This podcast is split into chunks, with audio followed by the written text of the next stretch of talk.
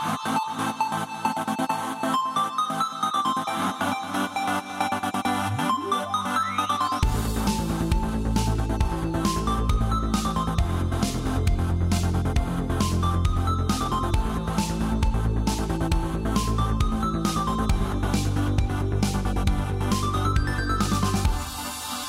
där allihopa och välkomna till Nördliv, en osensurerad, oklippt och fantastiskt nördig podcast om spel och allt möjligt. Idag är det den 22 i tionde eh, och det här är avsnitt 372. Jag heter Fredrik, med mig har vi Max och Danny. Hur mår ni? Jag mår bra, tack för att du frågar! Nej, det går an.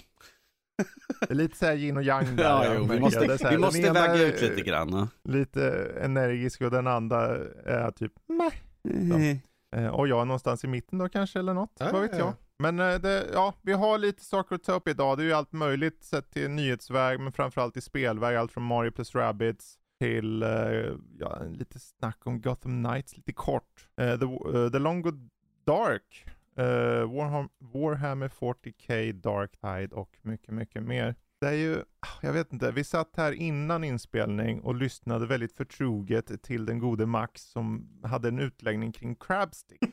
Så nu har jag lite crabsticks på hjärnan här. Och då är ju så här frågan, finns det ens något spel som har crabsticks i Alltså, sig? du hade ju Crab Game som var väldigt populärt ett litet tag som var Ja, knockoffen det, det på det Squid Games. Men, eh, Va? Det är väl det närmaste jag kommer med Crabs. Annars hade det, det fanns ett jättespännande fighting-spel som var massa crustaceans Men som vänta, slåss är det verkligen Godzilla. jättespännande? Ja, men tänk er en stor krabba med en kniv som kommer, det är ju lite spännande. Som slåss mot en hummer. En stor...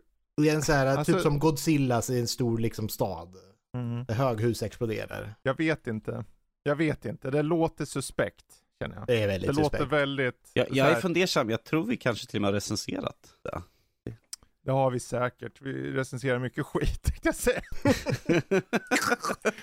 Men mycket bra också. Och det är ju liksom, vi har mycket bra på agendan som jag nämnde nyss. Eh, och jag tänker vi börjar istället med sådana saker som kanske har poppat ut på internet. Sådana här så kallade nyheter. Så veckans nyheter med, eh, ja oss. Det är väldigt bra att ha en sån nyhet så här. Veckans nyheter med, ja, Oss. oss? Frågetecken. Man, kan, man kanske skulle ha haft en sån här riktig fånig jingle som så här veckans nyheter och sen kommer veckans nyheter med oss och Danny. Eh, vi hade jinglar förut emellan ju. ja, lite då och då testar vi ju. Och det värsta, vi har ju kvar jinglarna, det är bara att eh, jag vet inte varför vi ska ha dem. Vi kör bara liksom. Vi Mm. kör. Och jag tänker, jag, jag slår igång det hela. eh, och den här, den här nyheten har inte någon krabba med stor kniv i sig. Ehm, Bara, Fredrik, bara snabbt, vi har recenserat det. Fight Crab hette det. ja, okej. Bra, jag noterar det. Yes. Um, Insomniac fick ju en bunt folk som hörde av sig till dem och sa men du vad, vad, vad hände med, med Spider-Man 2? Vad hände med det här spelet? Mm. Så, och det, det, det gick massor med turer på Twitter och liknande och egentligen sa folk att ja men det här kommer ju inte ut eh, närmsta tiden. Men eh, då svarar självaste Insomniac och säger helt enkelt eh, att folk inte ska oroa sig. Det är fortfarande slatat för 2023 och att eh, spelet, eh, de skriver följande, jag kan läsa det ordagrant. För killen skriver först, I'm starting to get worried honestly. I, uh, I've been bugged I've been bugging Insomniac about it, but I, I stopped after they told me it wasn't ready. I really hope it doesn't get delayed. Och de svarade Don't. We're making good progress and it's still slated for 2023. Showing games uh, uh, takes time, effort, resources and coordination. Och det är alltså showing games som att de inte har visat upp något än för det har varit så tyst så länge om det. Mm. Det är ju ett år sedan nu som det visades upp. Det är Wolverine-spelet. Ja. Det är bra, Så- det, man ska inte ta för mycket tid att visa upp spel. Man ska visa när man verkligen har Ja. någonting för att det är ganska mycket resurser. När det kommer till marknadsföring, till trailers Mm. och du måste liksom, det blir olika prioriteringar. Men vi ska ha en liten slice av gameplay här vi ska Precis. visa. Då måste den se perfekt ut. Och då kanske Ja. man säger, ja men vi har en bugg här som ser konstigt ut. Då behöver man göra liksom en temporär fix på den buggen. Mm. Så då måste man inte göra så ogjort arbete när man kanske behöver fixa det på riktigt. Så att, eh, att de bara sitter och jobbar är inte en dålig grej. Nej, och det, jag tror, det är lite av ett symptom i det att folk numera är så on edge med, om vi har inte hört något på x antal tid, lever det? Bara för att vissa spel tog sju år att visa upp något och mm, folk, folk vet inte riktigt hur det ligger till med spelindustrin numera. Jag tror det är lite så här, vissa spel hör man av hela tiden. Vissa Mm. spel så här punktmarkeras fram till launch och vissa gör det inte. Så vart är normen? Ingen vet riktigt. Men eh, det ser ut att göra bra framsteg så förhoppningsvis får vi det. Kanske, vem vet, nästa jul eller något. Vad vet jag. Ja. Då är det Ja, fortfarande eh, 2023 alltså. Ja, eh, jag hoppar vidare och den här kanske ni kan beröra sen själva lite mer då, för jag kommer bara nämna det. Mm. Men Silent Hill 2, remaken, kommer till PS5 och PC och det visar sig vara Bloober Team som ligger bakom det. Det har ju ryktats om länge i läckor och allt möjligt. Ja. Ehm, men uh, ja, det jag ska fokusera på är egentligen inte själva nyheten i att det blir utannonserat, trots att Emil satt och grät att det var Bloober Team. Eh, vår kära Emil bara, nej de soporna. Men, det som jag tyckte var intressant personligen med det här var att det samtidigt kom ut eh, systemkrav på spelet. Och det här är ett spel som använder Unreal Engine 5 och specifikt kommer använda den nya Lumen och Nanite-teknologin i det. Mm. Så att systemkraven på, på, bara på minimum var på grafikkort då en 1080 alternativt RX 5700. Och då, då tänker jag, okej men vad, vad, vad innebär det då? Ja det är full HD i 30 FPS på low. Vad är då rekommenderat? Du ska ha en 2080 RTX Nvidia-kort eller 6800 XT. Och då får du 30 FPS på high i Får se, det står medium quality settings in 60 FPS or high quality settings in 30 FPS på full HD. Och det är alltså med ett 2080. Mm. Så om du ska köra då 1440 eller som max här bara 8K, han kör ju det dagligen. ja, ja, ja. Jag vet inte om det finns ett kort som klarar det då riktigt till att få 60 FPS. Alltså det, det är ett väldigt krävande spel ser det ut att bli. Um, processorn och allt det här, 16 gig, eh, 12 gig minimum. Det, det jag tyckte var intressant är att det här spelet ser ut att ta ett tydligt steg framåt vad gäller just teknologin. Trots att när vi satt och kollade på att visst var det såg snyggt ut, men jag satt inte så här, det här ser current gen eller next gen ut. Det såg okej ut. Mm. Jag vet inte. Jag tror det har Men att att- göra med, sorry ja. för att jag hoppar in, det har nog att göra med mycket Nej motorerna att i Unreal 5 så börjar vi ha så mycket möjligheter. Och du Mm. kan göra så mycket med de här teknologierna och jag tror inte alla har lärt sig hur man gör grejerna. Jag tror det finns mycket Precis. möjligheter där och vi har ett visst av att liksom, även om du använder 10% av bara partikeleffekter för att Mm. ja, jag vilja att dimman ska se perfekt ut i Silent Hill. Jag vill att det ska liksom, Precis. det ska flöda medan du går i den. Att det är någon så här volumetrisk dimma som liksom Mm. formar sig när du går i den eller något. Det är liksom, det kan ju göra så mycket mer, men du måste ändå köra med Mm. den motorn, vilket gör att du behöver fortfarande ha minimumkraven bara för att köra det. Kan ju vara någonting sånt. Exakt. De avslutar på rekommenderade för övrigt, på, utöver det här med att det är på medium och det är liksom 60 FPS på medium då, eller eh, 30 FPS på high quality och det är full HD. De skriver också 4K, då måste du använda DLSS eller liknande teknologi. Eh, och en kul detalj som jag bara tänkte på att det kräver Windows 11. Mhm. Nu är det relativt vanligt såklart, men ändå, det är inte, många sitter på 10 fortfarande. Mm. Att det står som rekommenderat på Windows 11, okej intressant. Eller kräver och kräver gör det inte, men det rekommenderar. Ja. Så eh, vi, tar, vi kan komma tillbaka till den här. Jag tänker ni kanske har någonting ytterligare sen så kan vi ju ta och beröra Silent Hill igen om det skulle vara så. Mm. För jag ville bara ta upp det där. Och jag fortsätter på hela det här med de här jäkla systemkraven för att det är din grej Fredrik. Det är grafikkort, det är systemkrav.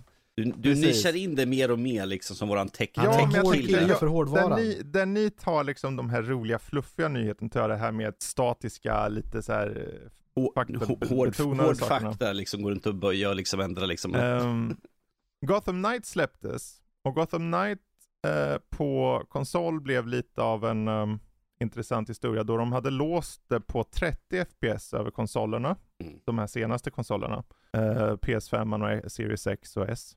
Och det blir ju ramaskri och så. Mycket tyder på då att det vad som ligger till grund för det här, att spelets multiplayer är boven i drama främst. Då du ska kunna spela var du vill i din väns värld och inte vara tethered, alltså bunden. I många spel säger man, okej, tar du går en viss längd ifrån den andra spelaren så boop, då kommer, trycks du tillbaka. Men här Mm. kan du ta det, du behöver inte ens interagera med personen i samma värld.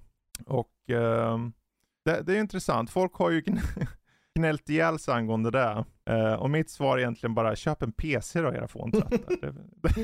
Jag vägrar. Du sitter ju på en. Ja, men jag tänker inte spela. Ifall jag kommer spela så kommer jag inte köra på PC. Men det är ju 30 FPS. Det är så här...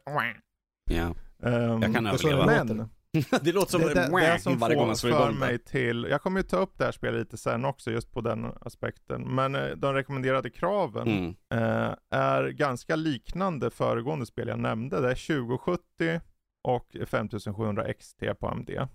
Eh, och det är fortfarande då ett 1080p 60 fps som gäller på det kortet, vilket är ett relativt hög, liksom högprestanda kort från förra, vad blir det nu, för förra generationen blir det ju, från Nvidia. Eh, så det är så här, det är ett, jag har ju sett det nu och jag ser ju att det är väldigt krävande.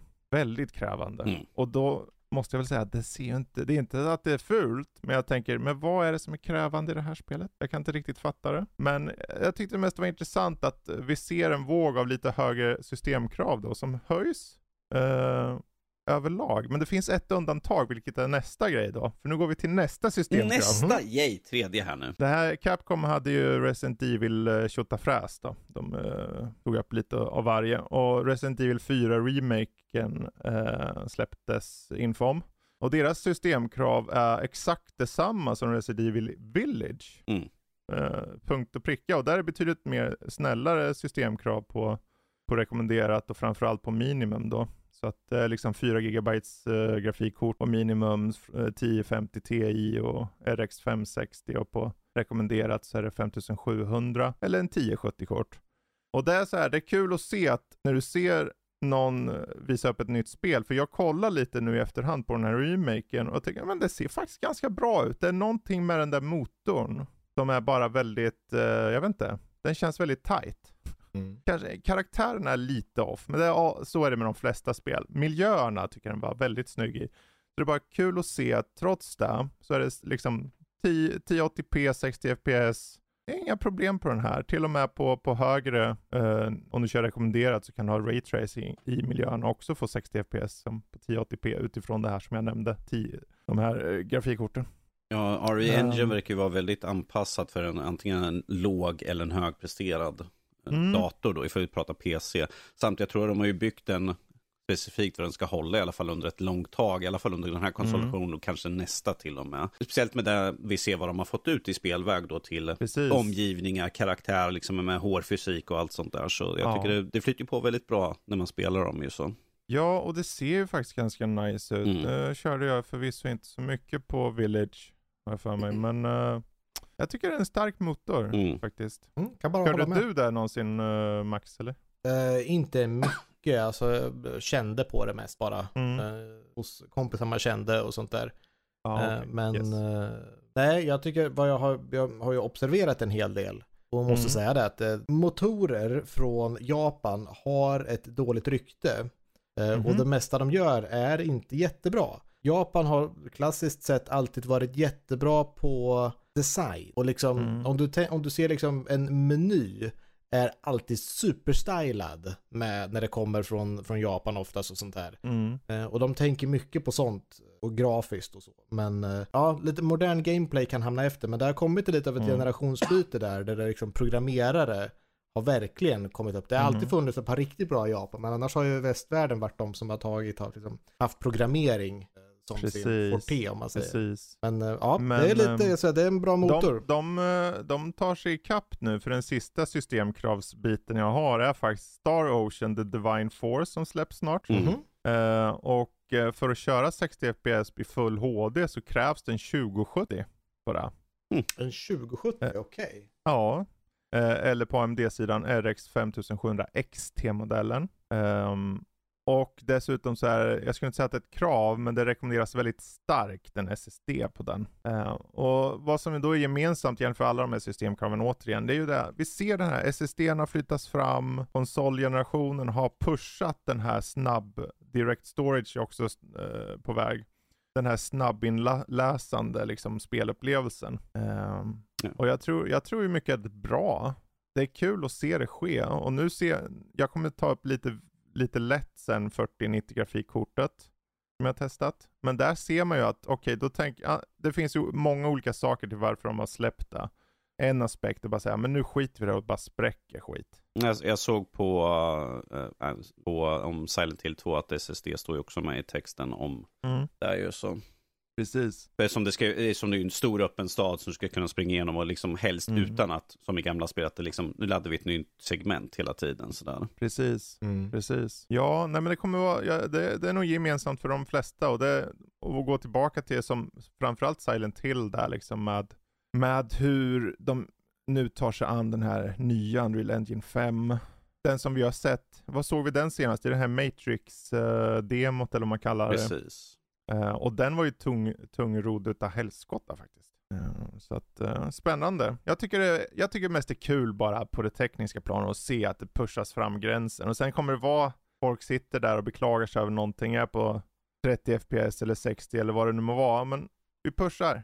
Pushar kan, kan jag bara säga lite grann i anknytning till RE Engine, så är mm. ju Street Fighter 6 använder ju den mm. motorn ju, så att Max mm. kommer ju få uppleva den i en framtid.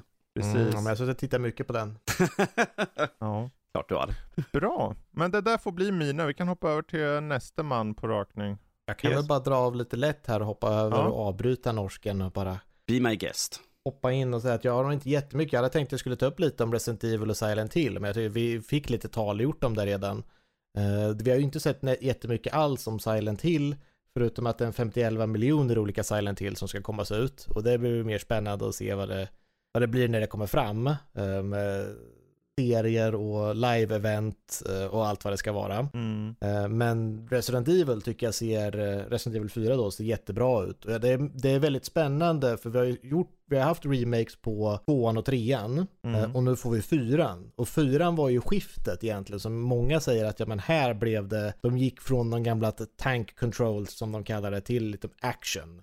Mm. Uh, och det blir väldigt spännande att se hur kan de, för de bör, många säger att det var där det här började, där liksom temat mm. uh, third person over the shoulder och det var det där Gears of War och sånt där som var liksom, som började med det. Och det har kommit så långt, vi är, liksom, vi är på sluten av den liksom, mm. utvecklingen av den typen av spel, så det blir väldigt spännande att se något av de första spelen som började med sånt och hur mycket moderniserat man kan liksom föra tillbaka till det nu istället för att göra om det bara. Så att de, de, mm. de verkar verkligen behålla allt som har gjort det bra och ta bort allt som är onödigt. Och det är det man vill ha av en remake. Och de ser ut att ha gjort ett väldigt spännande val av det just nu. Så att, eh, mm. Jag kan bara säga att det blir spännande att se och det ser väldigt bra ut där Precis. vi har sett från Resident Evil. Och ifall, och ifall man går tillbaka och kör Resident Evil 4 och, och beroende på vilken konsol man än kör så är det fortfarande, då är kontrollen seg, sluggish, det är liksom ja. för mm. den tiden.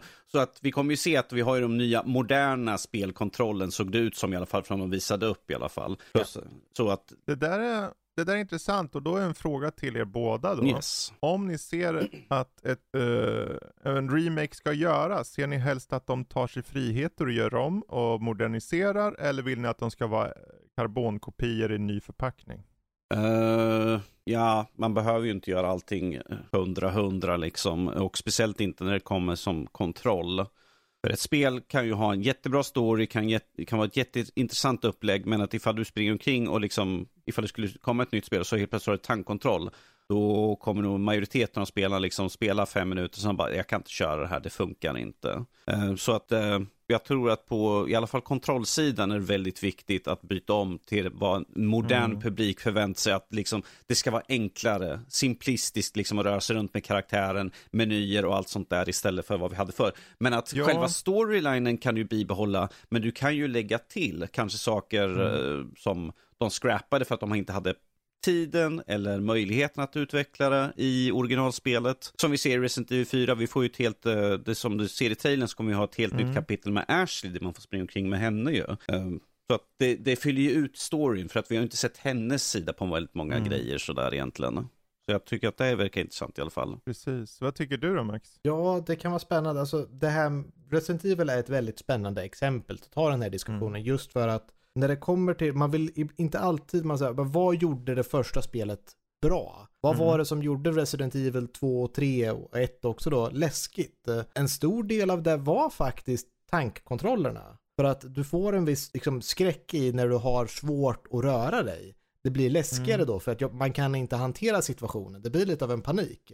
Så att om man säger, ja men då skulle man kunna ha ett argument för att ja men vi får inte ändra kontrollerna för att det är det som är en del av vad gör spelet spelet. Men att de då gjorde det och gör det bra, det är liksom, det, det är bra där men det, det är ett spännande exempel med just den teorin. Ja, det där är bra, intressant du nämner. För, att för mig är det så här, när jag tänker på först första spelen av Resident Evil, så är det så här, Mm. men det är ju inte så mycket, alltså det var, just tank control var mer ett irritationsmoment. Jag gick åt höger och sen var det plötsligt att jag gick, skulle gå neråt. Men det var ju utsattheten, det var ju att plötsligt kunde det hända saker. Och det hade ju inte så mycket med hur du spelade, mer att det var så spelet var skriptat och, Mm. och, och gjort och så vidare. Eh, och jag tror det är tydligt då med, när de gjorde de här remakesen, att okej, vi vill bibehålla den känslan, liksom så. Mm. Och, och ha det i en tredje person, och de fick till det. För du känner dig utsatt, du kan inte springa för snabbt, du har det här äh, begränsad ammunition och allting, och så springer äh, den här stora nissen, vad nu han heter, Ja. äh, efter dig. Vad heter han i tvåan där? Mr X det. Mr Ja. X kanske ja, precis. Och det är just, du, det, det är så, det är lite panikkänsla så. Ja. Tills du hittar ett rum och han inte kan gå in i det. Och du öppnar dörren och han går och pantar utanför en cirkel så här. Du bara, okej, och så var det ju Village också. De jagar dig och sen bara, ja men nu är jag inne i safe room och de bara, vi vet inte vart han är. Ja. Vart tog jag vägen? kan Nu går vi vägen? Ja, vi går och kollar på crabsticks. Ja. Ehm, Nej, det är att det finns crabsticks där inne, det är därför de inte vill komma in. Ja, då skulle ingen gå in om det är crabsticks. Men det här, varför jag, det är också intressant och för Silent Hill, där, då är kontroversen, eh, för, jag backar lite. Ja. I Capcoms fall så är det, då har vi fått svart på vitt att okej, när Capcom gör de här remakesen så går de in för det på ett annat sätt. Och då har vi fått en tillit i det. Ja. Ha, eh, och, men nu på Silent Hill 2 Remake, där är det Bloober Team och tilliten där är betydligt lägre. Så Ja. att när de själva säger istället då att de ska vara väldigt trogna, Mhm. väldigt, väldigt trogna, de ska göra så minimala förändringar som det bara går, då blir de flesta mer glada för det. För att då, hur mycket kan de fucka upp då? Ja, och det, jag skulle faktiskt nämna lite det också, att eh, Resident Evil är ett av de få som har den här tilliten känns det som. Att ja, men Mm. de, det är väl de och Final Fantasy-teamet som gör Final Fantasy 7 remakesen och sånt där, att där gör de, alltså om, det, det bästa av fallen är att du har ett, visst det kanske var en del av designen, men du har ett element som är jobbigt i modern design. Det är någonting som är dåligt. Kan du ta bort det och föra in en, en ny grej som behåller eller återskapar känslan men tar bort klunkigheten om man säger. Ta Mm. bort det dåliga i det. Då har du lyckats, men det krävs ganska hög kompetens skulle jag säga för en designer att kunna göra det och tekniskt kunna utföra det. Och det är då det blir spännande i Silent Hill, för där hade vi ju tank controls, men vi hade ju dimman. Och jag Mm. tror att de kan nog luta sig ganska bra på dimman. Det är nog ganska Mm. lätt om du går lite långsamt genom dimman, för då kan det fortfarande saker hoppa på dig och skrämma dig. Och du Ja. måste liksom springa därifrån och, och så. Så att det finns, jag ser att det finns möjligheter att göra saker där, Mm. men eh, jag vet inte. Så jag tror dimman är någonting de kan luta sig på. Om de lutade sig på det förr i tiden för grund av grafiska limitationer på konsolerna Mm. så tror jag att de på designmässigt kan luta sig på det ganska bra nu. Men eh, Mm. vi får se. Intressant. Ja, ja, vad tycker ni om det ni har sett på Silent Hill 2 remaken då? Jag tycker jag har sett för lite för att ha någon slutsats, utan det är mer nyheterna är spännande, se vad det blir av det. Mm, alltså det ser ju intressant ut. Du ser ju bättre ut förväntat. Alltså, jag hade ju en rant i förra veckans podd om uh, Konami. Jag har inget förtroende för fem öre för Konami. För att de har, där de har släppt på sistone har ju inte varit mycket att hänga i julgranen så att säga. Och om man vet att spel är ju inte deras primära eh, Ja, det är inte deras primära inkomstkälla, så att spel är liksom en sekundär grej. För att de har Pachinko, så att spel är liksom så här, nej men vi gör det liksom för att vi har IP-erna egentligen. Men här ser det i alla fall ut som de har i alla fall gett till någon annan. Ja, det är väl de det har som är out- poängen. Precis, det är ju inte det är Konami, inte Konami, här, på precis. det sättet. Och det är det jag sa liksom förra veckan, att liksom ge det till någon annan. Och jag vet att det är massvis med folk online som har liksom sagt, sälj av IP-erna. Men vi vet Mm. att de behöver IP-erna för att de tjänar pengar på det. Licensing och allt sånt där. Men att, Ja. ja, eh, ja jag, jag, som jag håller med, jag håller med Max att jag vill gärna se lite mer innan jag ger en liksom, avgörande att det här är bra eller dåligt. Men att det som vi fick se just nu, det lilla vi fick se, mm. såg helt okej okay ut. Men att eh, återstår att se liksom, ifall det bibehåller liksom, hela spelet igenom. Ja, jag vet inte riktigt vad jag ska tycka. Jag tycker det ser rent tekniskt bra ut, för det såg ut att vara in engine i alla fall. Mm. Mm. Uh, jag tror merparten, eller allt i det där var in engine. Uh, det är klart man vill se gameplay, det är svårt att veta vad som är gameplay för det är så ett cinematiskt spel på något sätt. Det som såg ut var att, det där är lite man får vara skeptisk på, att det såg ut att vara mm. jättemycket cutscenes. Jag säger det, in engine möjligtvis, men jag tror uh, vi fick se en liten bit i gameplay när, när han såg ut att gå i världen. Mm. Det var det enda jag kunde utröna som att okej, okay, det här är gameplay. Resten såg inte ut att vara gameplay. Och när vi har så lite som jag kan säga det här är gameplay, mm. då är jag väldigt skeptisk. Så att jag känner inte... Precis. Men se. oavsett, jag tänker just det här med att Bloober Team gör det och att uh, att de håller sig till hur det var ursprungligen. Är det bra eller dåligt? Uh, om vi ska se till vad fansen vill ha så tror jag att det är bra att de bibehåller. För de, för de hade ju till, de hade gått ut och sagt att de hade jobbat väldigt uh, nära med originalskaparna. Mm. Så att vi liksom tar deras deras hjälp, deras inspiration för att bibehålla. Det jag tycker, ser som en bra sak i alla fall för att få... Vad exakt är de bibehåller då? Snackar vi story, gameplay, element? För om de ska bibehålla saker, då ska det vara tank controls igen? Då, ja, problemet är att det funkar ju inte längre. För vi sätta in för en modern publik, som jag sa förut, mm. att det funkar inte. För då kommer folk liksom stanna upp. Liksom. De har redan gått ifrån det? Ja, jo. Men att det ser jag som en positiv sak i alla fall. Att det ja. behöver vi inte bibehålla. För att precis som i, i det här fallet så behöver inte för att du ska ändå röra runt, men att det var ju klumpigt mm. när man körde spelet eh, med tankkontroll. Så att det underlättar för du kommer, kan få en bättre rytm i spelet istället för att liksom, ah, jag måste snurra, jag måste vrida och vända på mig, det kommer ett monster, ah, suck. Så ett, ett, liksom, de här quality of life-grejerna ser jag som ett plus att de slänger in alla remakes egentligen. Vi behöver inte bibehålla tankkontroll för att det är ingen som vill ha det. Men att jag tänker mer liksom storyline, beatsen, liksom mm. prata liksom vad de originalskaparna såg, liksom att de här liksom bitarna ska liksom falla in i rätt plats så att de inte får mm. ut rytm. För att det är, som det är ju ett skräckspel så att säga. Uh, jag ser det mer som ett utforskarspel med element av uh, mystik och liksom inre demoner som spelet egentligen handlar om.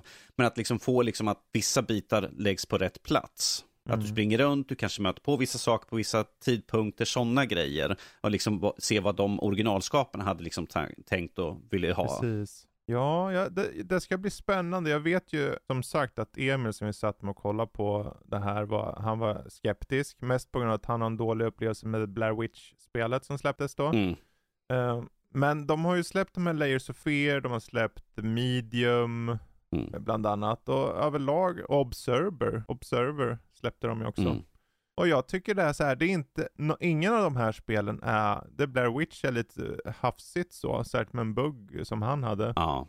Men överlag så är det okej okay, kompetenta spel rent tekniskt. Precis, och plus det, att här det, har de ju redan mallen, de har ju redan ja. planen utlagt, de har spelet, de har jag, de har allt jag blir bara så, att... så här, men vad är poängen att göra en karbonkopia? Jag känner ju personligen att ändra saker då? Så länge alltså, ni gör det tillsammans med de här originalmakarna så ändra om lite saker hit och dit och så, så att man får om vi någonting nytt. Ja. För originalfansen kommer ju ändå, viss, vi vet ju hur det kommer vara, vissa kommer beklaga sig oavsett. Ja. Och någonstans, om det inte det här funkar med en ny publik, vad är då poängen att ha de x antal personer som gillade originalet? För det är ju förmodligen en större publik som potentiellt kan ja. ta sig an det här bland de nya spelarna. Om vi kollar på Resident Evil 2 och Resident Evil remaken, de heter remake, de är inte remakes, för båda är reimagining för att de har ändrat om en del saker. Speciellt trean gick ju väldigt mycket ifrån originalspelet, vilket gjorde att den fick lite kritik på grund av det från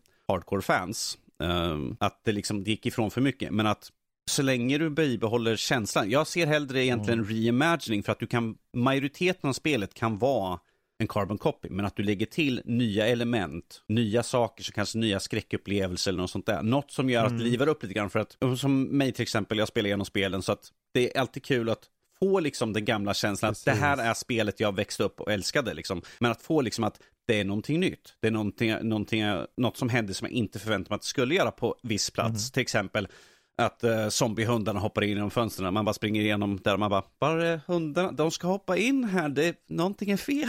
Ja, men jag tror den stora frågan för Silent Hill 2-remaken är ja. ju, har det crabs? Max, har det det? Mm. Det är det nya vapnet. Istället för en så här järnrör så har du crabsticks. Istället för pipe, liksom så här. Ja, crabsticks. En, en, en liten crabstick. Har vi något mer på Silent Hill och de här remakes? Silent Hill, vi kan ju gå igenom lite grann vad som blev utannonserat. Utöver Silent Hill 2-remaken eh, så fick vi även Silent Hill F eh, som eh, vi fick visas upp. Det var en, vi fick se en kvinna som rörde sig genom en, en stad sånt där medan det kom ut eh, tentakler som fäste sig mot henne och i slutet så ser man liksom henne sitta liksom och det är som att det har växt blommor och sånt på henne och sen mm. när man mm. tittar in mot hennes ansikte så trillar ansiktet av. Eh, what? Mm. Man blir lite frågande, eh, som det, det de, alla som jag kommer ta upp just nu är väldigt intresserade av vad de faktiskt kommer handla om. Um, och den här skulle tydligen utspela sig under 60-talets Japan, så Precis. vi hoppar tillbaka lite grann där i alla fall, till skillnad från de flesta spelen som utspelar sig lite senare.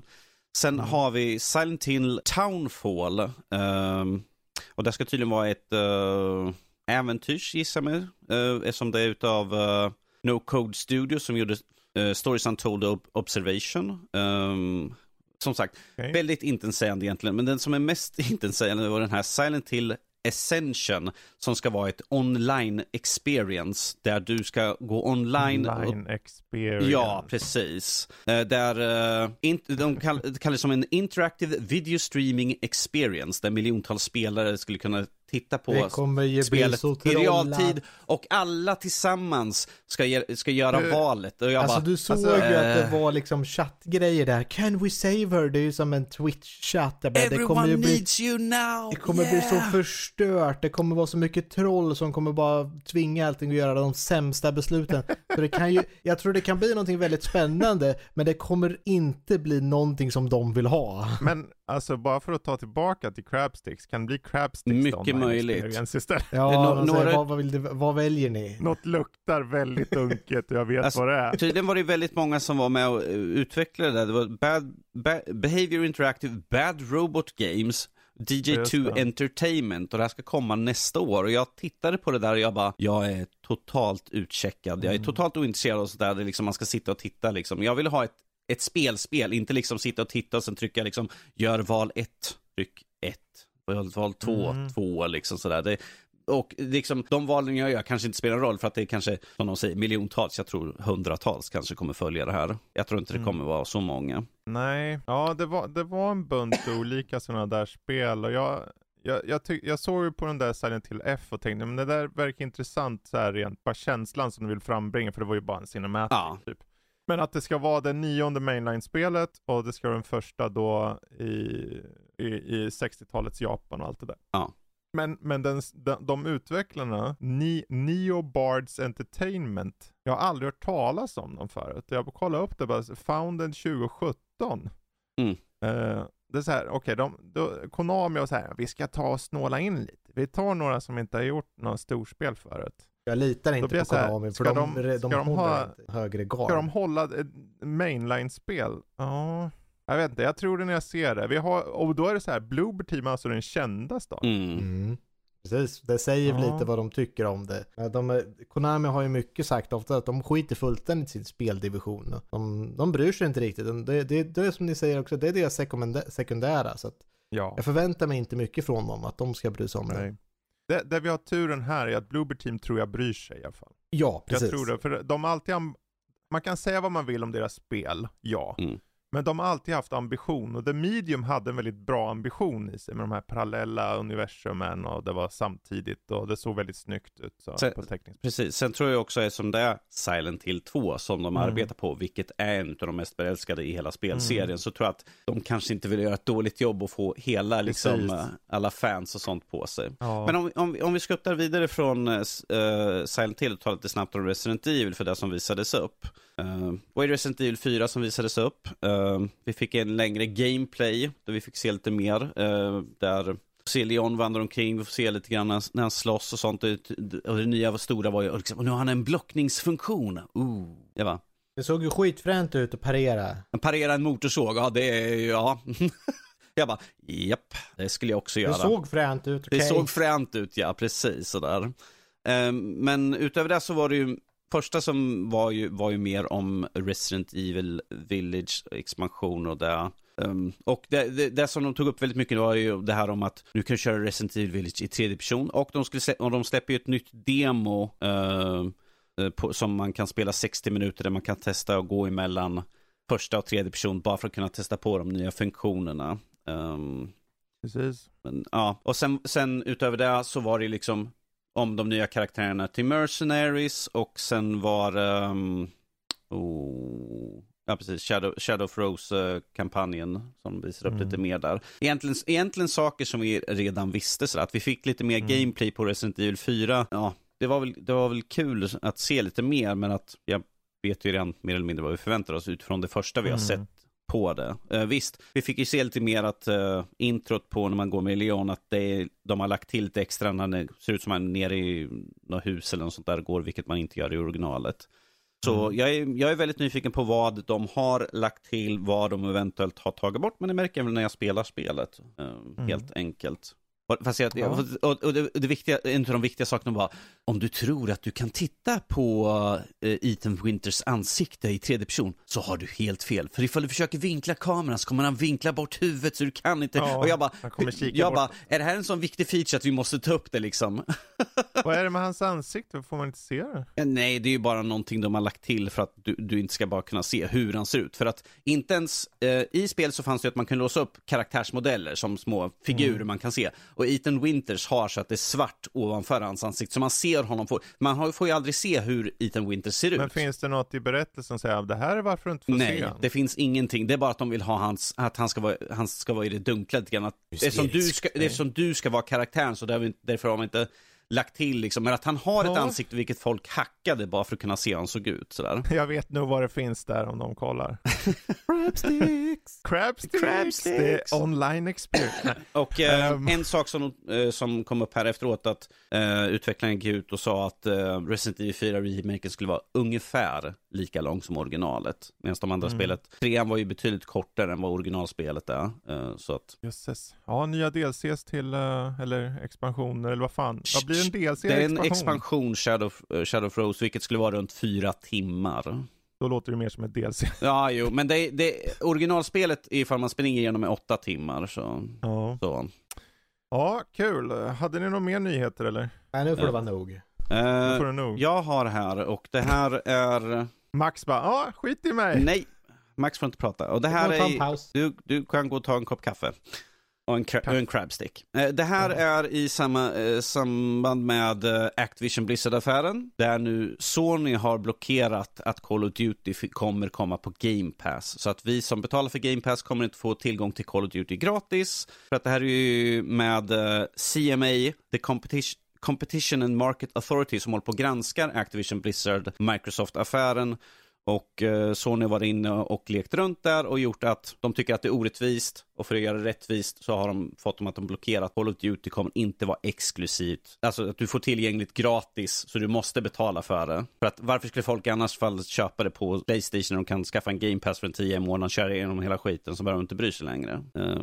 Ja, alltså det bör ju sägas här, förtydligas, ja, okay. att det, det, det, är inte beslutat ja. än. Det, de har beslutat att de ska utvärdera mm. affären utifrån en sådan sak.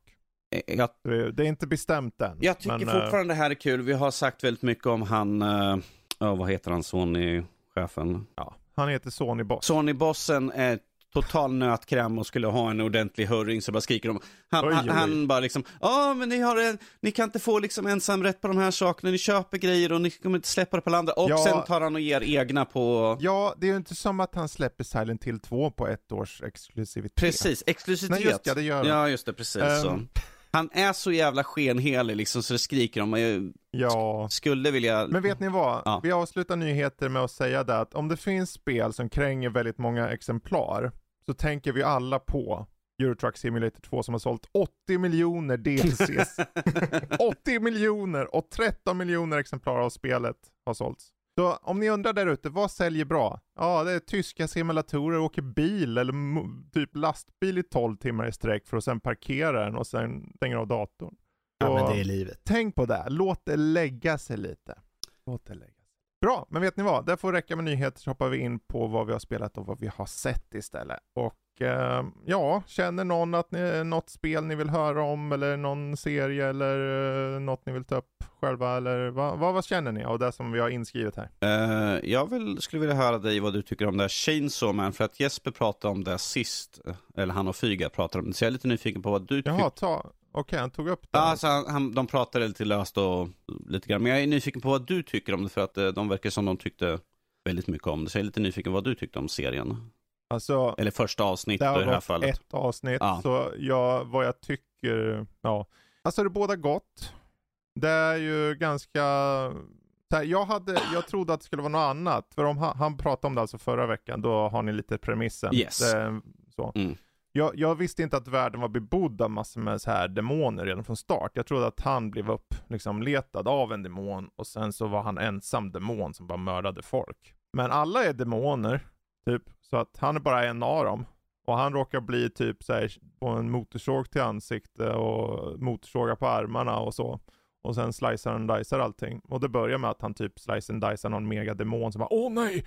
Va, hur fick du den kraften? Åh! Ja, det är precis som det ska vara. Eh, nej men den var, det jag, det jag slogs av var att den här var väldigt, i alla fall första avsnitt, väldigt välanimerat. Väldigt följsam eh, animationer och så. Så att eh, jag ser fram emot att se mer. Jag kan inte säga varken bu eller bä. Det är ett avsnitt. Mm. Men eh, det båda väl gott. Typ så. Okej.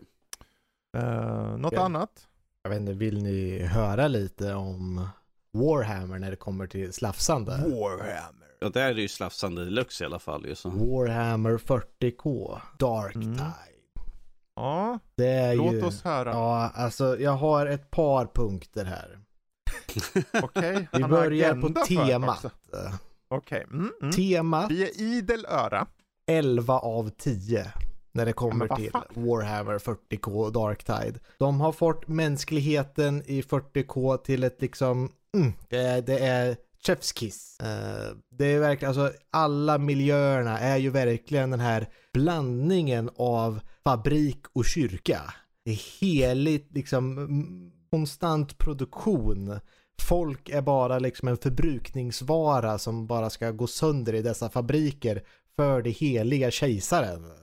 Och det, det håller det temat så bra eh, att Det jag, bör kanske understrykas vart du har kört där, i vilket sammanhang och så. För du kanske inte har fulla bilden än av spelet. nej, utan jag, det, det är mycket missionbaserat. Eh, och Det var ö, den stängda betan. ja, körde. den stängda betan. Och då kunde man köra ett par missions här och där. Man hann ju inte komma jättelångt, men eh, det, det, är, ju, det är ju spännande att få, få uppleva den världen, dens råhet och slakten som eh, finns i den. Eh, och ja, det för att tillföra på, på gameplayen också där som en annan punkt. Mm. Att har man spelat eh, Warhammer Vermintide, fantasy-spelet, så vet man lite vad man har att förvänta sig. Mm. Eh, och det var ett väldigt bra spel. Mycket stora liksom, de här hårdvågorna som kommer in är väldigt, väldigt bra gjort. Man får den här känslan av att oj, oj, nu kommer det mycket. Eh, Mm. På ett bra sätt. Och så kan man slafsa. Eh, Det som eh, görs så bra i det här är att de får ju lägga in lite mer. Förut så fanns det i gamla Warhammer Vermintide så fanns det ju pilbåge och lite sånt där, lite ranged grejer. Mm. Eh, och lite magispells. Men nu är det, nu finns det ju gevär. Men du Ja. ändå håller det ganska nära. Det är mycket liksom, du har ett ranged vapen och ett melee-vapen och alla har det. Och vissa använder mer än de andra om man säger.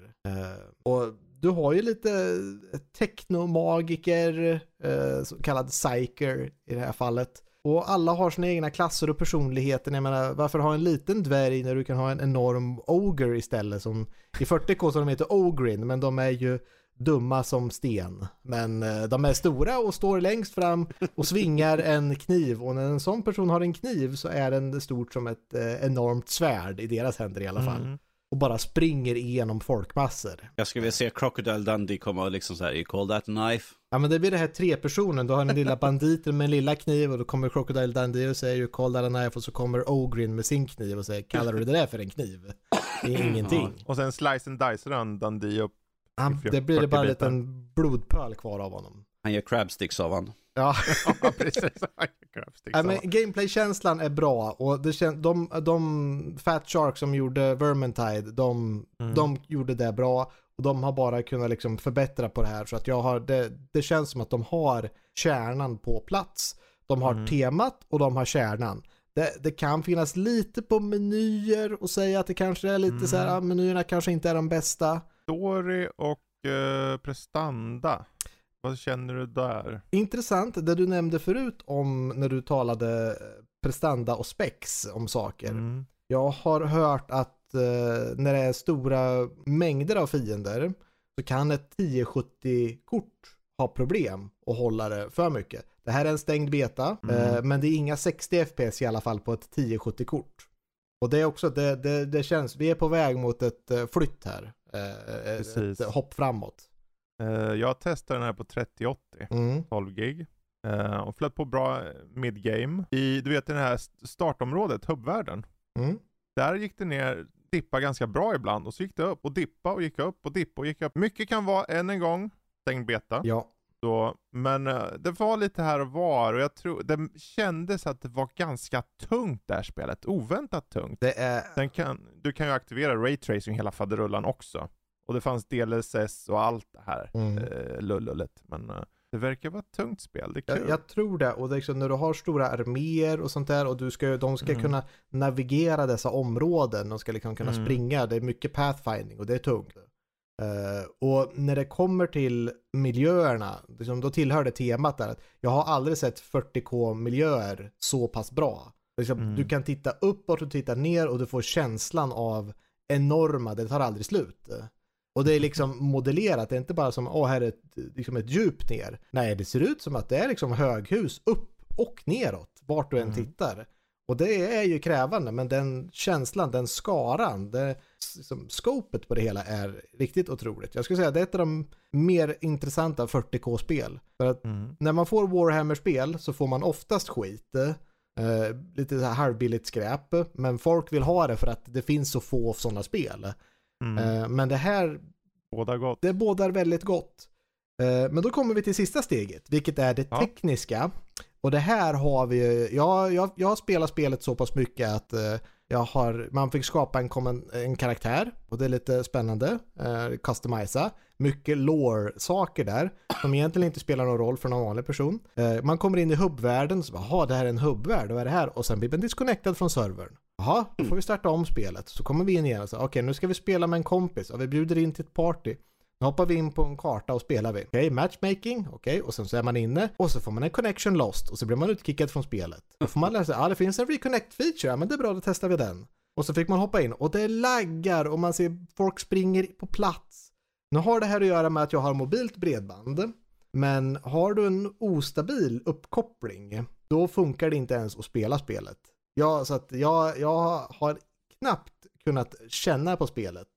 Åh. Eh, och det är dock, det är en kritik som gjorde att spelet var ospelbart för mig. Mm. Eh, och det laggade för alla andra. Varje gång jag connectade och reconnectade så började alla andra, jag hade ju en kompis i samma party då som sa att Mm. varje gång jag loggade in och ut så började det liksom lagga för alla andra liksom, teleporterandes liksom fram och tillbaka. Max, måste du spela med mig? Jag, det, inget funkar, det laggar ju bara. Max, kan inte du gå och göra gröt ett tag? Ja, ja, det som är bra är att en botspelare tar över din karaktär så länge så det är väldigt lätt att hoppa Ja. in och ut. Men ja, ja, ja, mm, okej, Vi får fortsätt se, vi får se. Jag, jag, som ett uh, slutgiltigt ord där ska jag säga att det är, eh, det är bra att där problemet finns.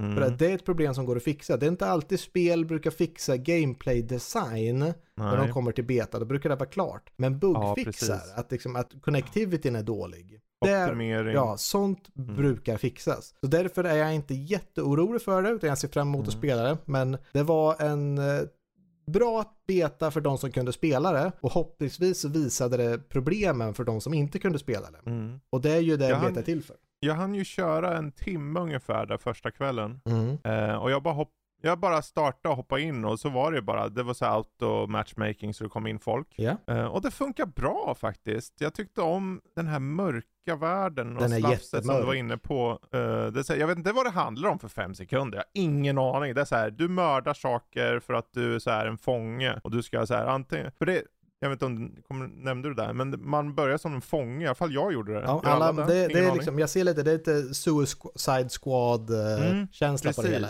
Så att du börjar som en fånge och sen ska du liksom ta det uppåt i leden. Så att jag, jag tycker båda riktigt gott och jag tänker så här när 30 november närmar sig och det börjar bli dags att lira lite, då ska vi lira Tycker och jag. mangla. Problemet är att du kommer säga Max ska du gå och laga gröt, du, det laggar bara. Max, eh, gå och gör crabsticks. Gör mina Um. egna har jag evolverat till att göra då. ja, Det är en evolution, det är ingenting man lär sig. Ja, vi kan väl ha, vi är ännu inne i mörkret så hoppa in i det långa mörkret här. The Long Dark hade du kört eh, Danny. Yes, Eh, det var, Berätta. det var mitt Game Pass roulette-spel som jag fick Mm. föregående vecka. The Long Dark är ett överlevnadsspel där man efter att ha varit med i en flygolycka eh, ska försöka överleva eh, i jakten på sin exfru, tror jag till och med att hon är, eh, som är en professor som, är, som kom upp och skulle hyra en som för att flyga en.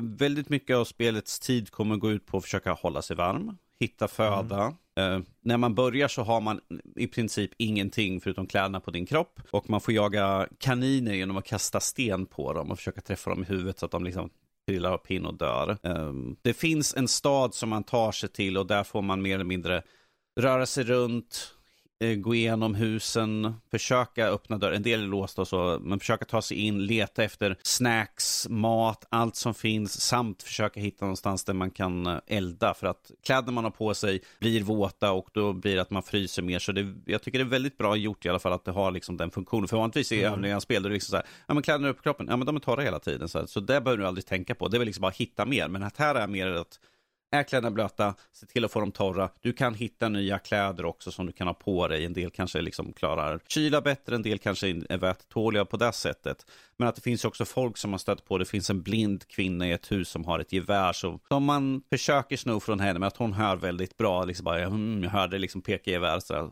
Och sen liksom kan man få liksom uppdrag att göra. Um, Men att principen är liksom sagt överleva. Det, och det är liksom bara kapitel ett. Jag tror det till slut när allting är släppt ska vara fem kapitel på spelet. Det finns bara de två första släppta än så länge. Det är, det är kul att du fick det. Jag har ju kört det också. Mm. Nu var det ju ett tag sedan. Eh, jag körde det när det var typ i early access och liknande. Mm. Eh, och jag tyckte mycket om det då. Jag, jag, jag var så här, jag satt här och var nyfiken, men det har vi ju pratat om förr. Jag, vi pratade om det i avsnitt 33 Ja, det är ju 2017 det släpptes så, i full version. i full version. Precis. 2015, den sommaren där pratade vi om det. Åh oh, gud. Så att det är kul. Det är ett tag. Men vad, ja, vad roligt ändå att du fick en sån upplevelse. Ehm, jag kan väl ta en annan upplevelse. Hur många har Switch? Det är väl du bara, Max? Jag har en switch. En switch till Switch. kommer inte innanför dörrarna här. Du säger det så ofta så att det blir som ett problem snart att vi måste köpa in en till. Nej, nej, nej, nej, nej. Så vi behöver inte slösa pengar på sånt. Eh, men det här i alla fall, det är Mario plus Rabbit Sparks of Hope. Det är alltså en sån här XCOM liknande litet eh, spel med Mario och massa Rabbids som bara Rabbid Peach till exempel står med sin mobiltelefon och säger så här Hashtag no not amused. Man bara okej, där sätter tonen då. Eh, lite grann. Men det är så här, det kommer en stor typ ondska som är på väg att för- förgöra universum. Eh, som heter Cursa. Det är en ny fiende. Mm.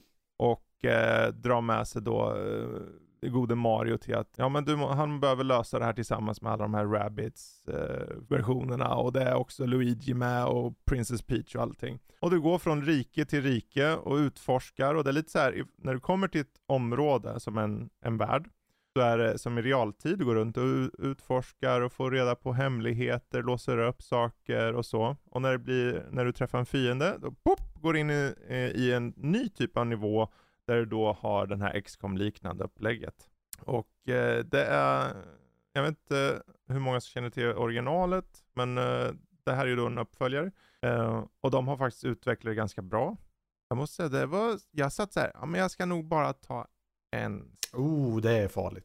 jag ska bara ta en strid till. Och sen då efter ett tag så märker jag, okej, man kan hitta små mutantavarter på, det finns små stjärnor som heter Lumas i Marios värld. Och det är klart att det har uppstått någon sån ohelig mix mellan Lumas och Rabbids. Så de heter Sparks. Och vad Sparks gör är att du kan hitta Sparks och då adderar du det på din karaktär, din hjälteenhet. För du kan ha, välja vilka hjäl- hjälteenheter du vill ha när du går in i strid.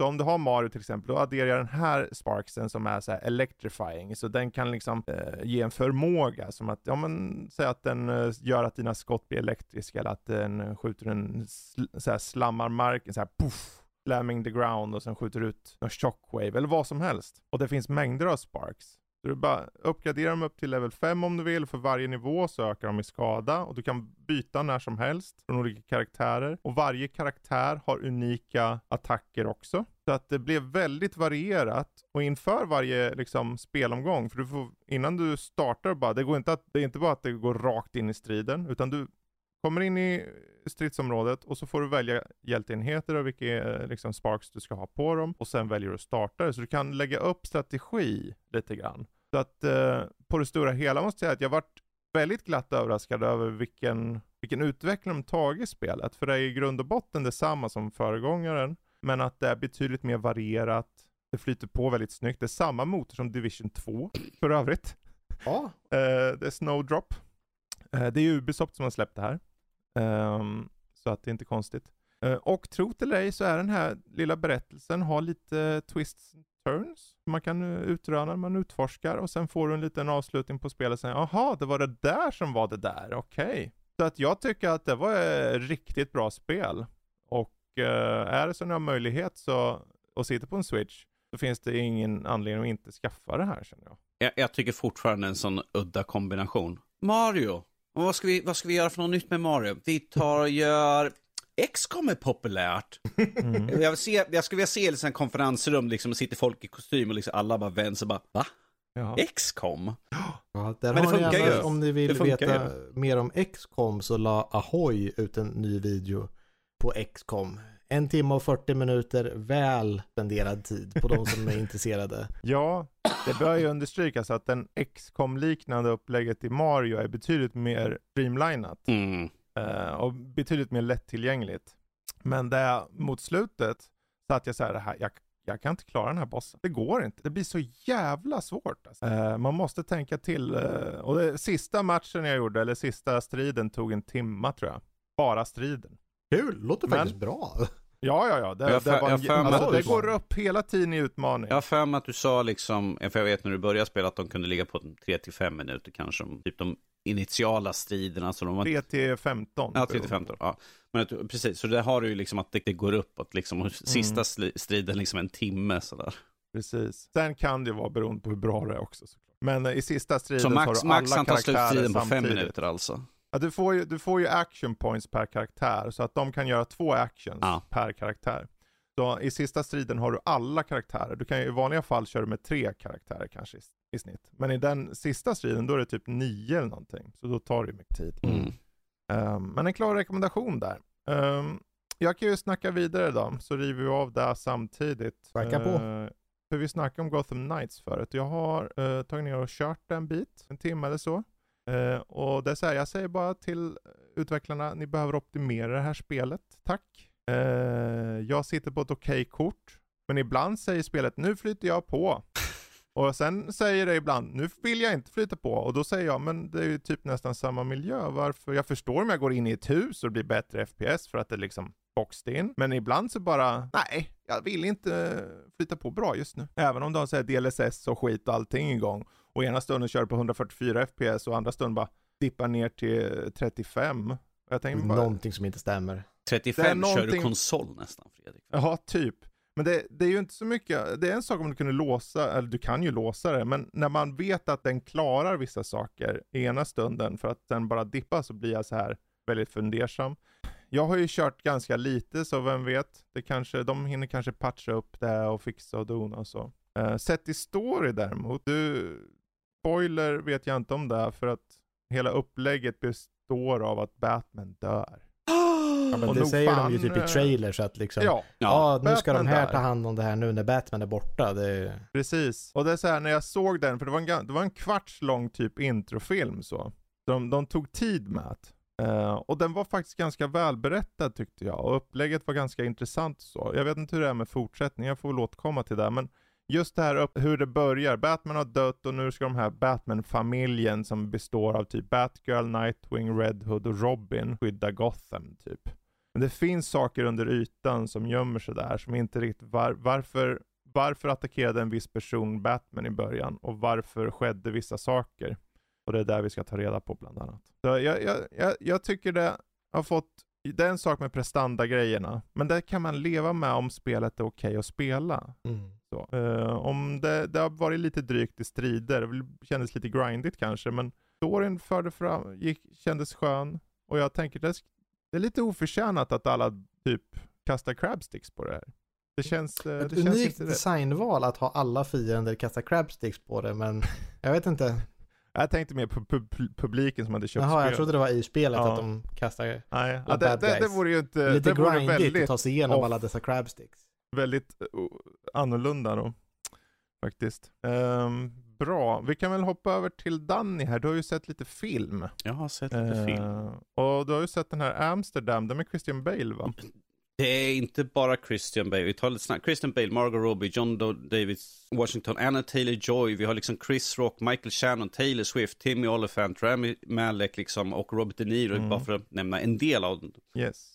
Vad, vad handlar den om då? Uh, Amsterdam hamnar, handlar om två stycken före detta soldater som är veteraner eh, som jobbar ihop och de har en tredje bekant som var sjuksköterska under kriget som hjälpte dem och de hamnar i en i en liten dålig situation där en person som hyr in dem blir mördad precis framför dem och de blir anklagade för mordet. Men att det här visar sig att det här är liksom bara en ynklig liten del av den komplott som de uh, märker att de är tydligen inblandade i. Uh, det är ett mm. mysterium helt enkelt och väldigt mycket har med, uh, vad ska man säga, rasism är, är, typ ett tema där. Mm.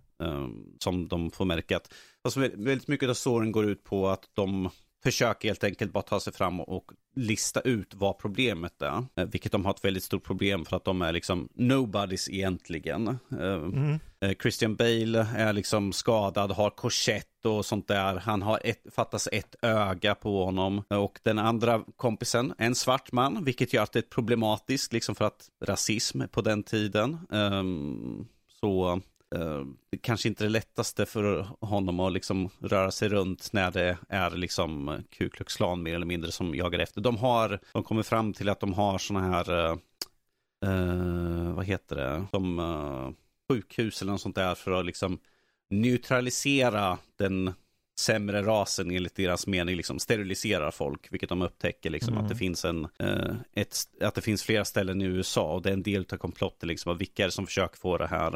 Eh, det, det, är en film som händer väldigt mycket och ibland sitter man bara, vänta nu, vad hände för någonting? Eh, jag, jag, hängde inte riktigt med för att det mm. är så mycket och så många namn liksom, man bara, men där är han och där är han och liksom, där är han liksom, så jag satt väldigt mycket sånt och jag bara, han med här och där är hon, hon är ju, ja nu, ja, nu är hon död.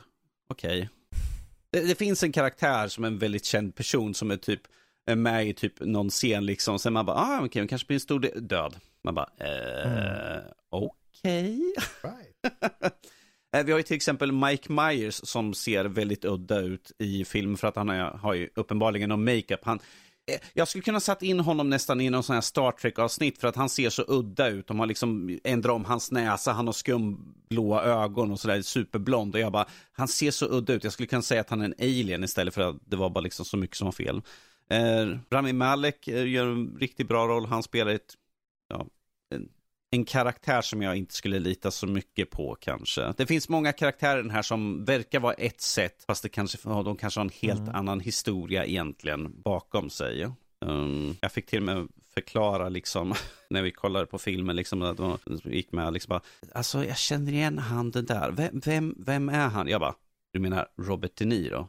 Ja, oh, är det, aha, jag bara, pinsamt, det är Robert De Niro, snäll men är det storyn bra då? Liksom? Alltså den är ju lite wild and crazy om vi säger så här. Mm. Men att jag... Jag tänker för den har fått väldigt ljum, ljummen kritik. Jo, jag, jag såg också det efter att jag hade sett den, att den fått, jag fått kritik, att det liksom inte var, att den var väldigt... Plus att den har förlorat på box office utav helvete. Det är, alltså, jag Den är ju väldigt nischad och, men den är ju fortfarande, ja, det här är som man tycker, det är, det är liksom så många stora namn. Det här borde locka in folk liksom, men att tiden med liksom när namn lockade in folk Mm. att se en film har ju varit över ganska länge. Ja, Men att jag, jag fann den väldigt underhållande. Visst, det var vissa Mm. partier i filmen, jag bara, vänta nu, vänt, uh, vad missar jag för någonting för att typ blinka till? För det händer, det händer så mycket, det är full fart hela tiden. Men jag tyckte att alla som är med gör ett riktigt bra jobb. Eh, Christian Bale ser ut att vara inne i en sån här fas, liksom, nu har jag tappat massvis med vikt, jag ser för jävla ut sådär. Mm, mm. Han, eh, ja, han ser inte riktigt klok ut. Och så smink liksom eh, med liksom sårska, eh, sår och allt sånt där. Men jag tycker att det är kostymdrama slash action thriller lite grann. Och det här Mm. är ju faktiskt baserat Alltså själva historien som vi följer med de här tre är finns inte i verkligheten. Men att den här själva komplotten är en existerande sak som faktiskt har funnits. Som gick till och med upp till kongressen i USA under tiden. Den, eh, Så att det, det, det, de har liksom en historisk händelse som faktiskt hänt, som har byggt filmen runt med karaktärer som inte existerar. Nej, så jag var underhållen. Jag, jag tyckte den var bra faktiskt. Eh, Jag vet inte riktigt vad man har allt för stor kritik uh, egentligen för filmen. Så. Det är ett spektakel. Och det var det jag, Mm. det är liksom, in, titta på den, liksom stänga av hjärnan lite grann för att det händer så mycket liksom. Kan inte fokusera allt för mycket för då blir det liksom, vänta nu, det här och det här, mm. Men underhållande. det är en film man ska släppa hjärnan Du ska släppa, ja det släpper, för att det, är- det, det, det, Men är det inte ett mysterium? Ska man inte vara med i svängarna då? Du, karaktärerna hänger inte med i svängarna för det mesta sådär, så att jag, gjorde Du, ännu du mer. säljer ju inte in filmen för du säger att man ska släppa. Jag stänger av Men- hjärnan i alla fall, för annars övertänker jag helt enkelt och liksom sitter så här, "Ja, men då är det så här, så här, så här. Så jag måste stänga av hjärnan lite grann när jag tittar på Ah, film, för annars okej. överanalyserar jag lite grann hela skiten rakt upp och ner, vilket är ett problem sådär. Eller en film du ska Ja. se med såna här personer som sitter bara Men vem är han och varför kom han in där? Och vem är det där nu? Du ska inte... Varför håller han en crabstick? Ja, varför? Ja, jo, precis. Crabstick. Det har med Jävla rasism att göra. Det har man, precis. Ah, okej. Crabstick equals racism. Ja. Alltså, Tyckte den du gick med om den också eller? Ja, ja, ja. Vi hade många goda skratt på åt filmen. Mm. Det, var väldigt många, det finns väldigt många bra scener. Eh, man ser riktigt sån här skådespeleri alltså på djupare nivå. Skönt. Ja. Nice. Ja. Amsterdam. Yes. Finns på bio just nu. Ehm, hoppas jag. Eh, Ja, Ja, jag vi, vi, gick ju på en sån här, vi gick ju på sån här uh, medlemskväll som var innan filmen släpptes. Så Mm. det här är, ju- vad är det, tre, två veckor sedan nu. yes. Men eh, då hoppar jag över till något annat här. Jag tänker, du har ju en boner i Bone Lab, Ja, Max. alltså det är möjligt att man kan inte, att, ja och nej. Jag menar, om det är så att du byter till en kvinnlig karaktär så kommer det bli svårt. Okej. Eh, Och varför det är relevant ska jag berätta för dig nu. Oh, Eh, Känner ni till Bone Lab? För nu ska vi tala VR, senaste VR-nyheterna här. VR Max. VR-nyheter med Max. Ba-da-ba-ba, VR. Jag känner till spelet. Okej, Det är det här på något, ja. ja, jag tror inte att jag har varit med och talat om det sedan det kom ut. Nej. Men eh, Jag det, får väl Kalle prata om det. det kan ha gjort. För att det som var så spännande är att det fanns ett spel som hette Boneworks som kom ut tidigare. Och det kom in Mm. precis, Ja, det kanske var den jag tänkte på förresten. den kom ut strax före Half-Life Alex. Och Mm. de hade jobbat ihop väldigt nära. Och det var där vi var liksom, åh, vad, hur ska vi VR, det här nya mediet och vad, det är ingen som har gjort det riktigt bra än. Hur rör man sig i VR och vad har man för möjligheter? Och det här är, utvecklas först för VR. Så det var lite ett, ett tech-demo inför Half-Life Alex. Och man använder sig liksom samma liksom tankar och sånt där. Eh, Mm. Och nu har vi fått Bone Lab som är lite av en, jag vill inte säga en uppföljare till Boneworks, men det känns lite som, det, det är samma sak. Man Ja. märker att det är samma grund, det är samma motor, men den är vidareutvecklad. Så man skulle kunna se som en expansion eller liknande, fast det är ju sitt fristående spel. Och det Mm. är ju liksom, ja det är en ny motor i det hela, men den är byggd på den gamla, så den har bara utökad kapabiliteter. Och det är svårt att säga när, eftersom att det är, det är motorn som är spännande. Själva spelet är inte spännande. Okej. Och, Först hade du mig, men nu tappar du mig. Ja, och jag kanske får tillbaka det sen i slutet. eh, Okej. För att det, det, det, det känns som att det känns som en stor, lång tech-demo. Mm. Med eh, väldigt eh, sjunkande kvalitet i level design. Alltså första du gör liksom, du, det är väldigt mycket att ja, men du, du börjar i någon sån här medieval grej att ja, men du ska börja med att hänga dig själv. Det är så spelet börjar. Och sen teleporteras det fram en kniv framför dig som du då ska skära bort den här eh, så att du liksom inte hänger dig själv längre. Mm. För att du är någon sån här witch trial liknande. Och sen ramlar du ner i en dungeon och så visar det sig att ja men det här är ju bara en simulering. Och det blir någon meta på det hela för att du är i en, i en värld som skapar virtuella världar i någon form av simulering och Mm. det är en väldigt udda story men den är också lite budget för det är ju indie, indiespel egentligen. Det är ju Mm, liksom mm. en independent studio som gör det här. Eh, och ja, det, spelet är helt okej till att börja med. Det är liksom, du förs igenom, du får liksom lära dig lite tutorials om alltihopa. Du får liksom, ja, men det är fysik som gäller i det här spelet. Det finns många spänn- spännande hemligheter. Att liksom, ja, men om du klättrar upp hit och du lägger den här som en liten gångbro över här. Då kan du hämta den här grejen eh, och så. Och du kan liksom klättra upp för kanter och du använder verkligen det simulerar, allting är fysikbaserat på så som du rör dig. Du kan Mm. inte föra händerna genom väggar och du, du måste tänka på vart du har armarna. Jag vet inte hur många gånger jag fastnar med man, en jäkla kofot som man drar med sig någonstans och den är svårt att få med och den slår i saker och man fastnar och det är som riktigt nästan. Men det kommer ut sen, det öppnar upp sig i alla fall efter ett tag sen. Nu är vi till tech-demot. Här har du liksom en shooting range där du ska springa igenom en bana och skjuta saker med olika vapen.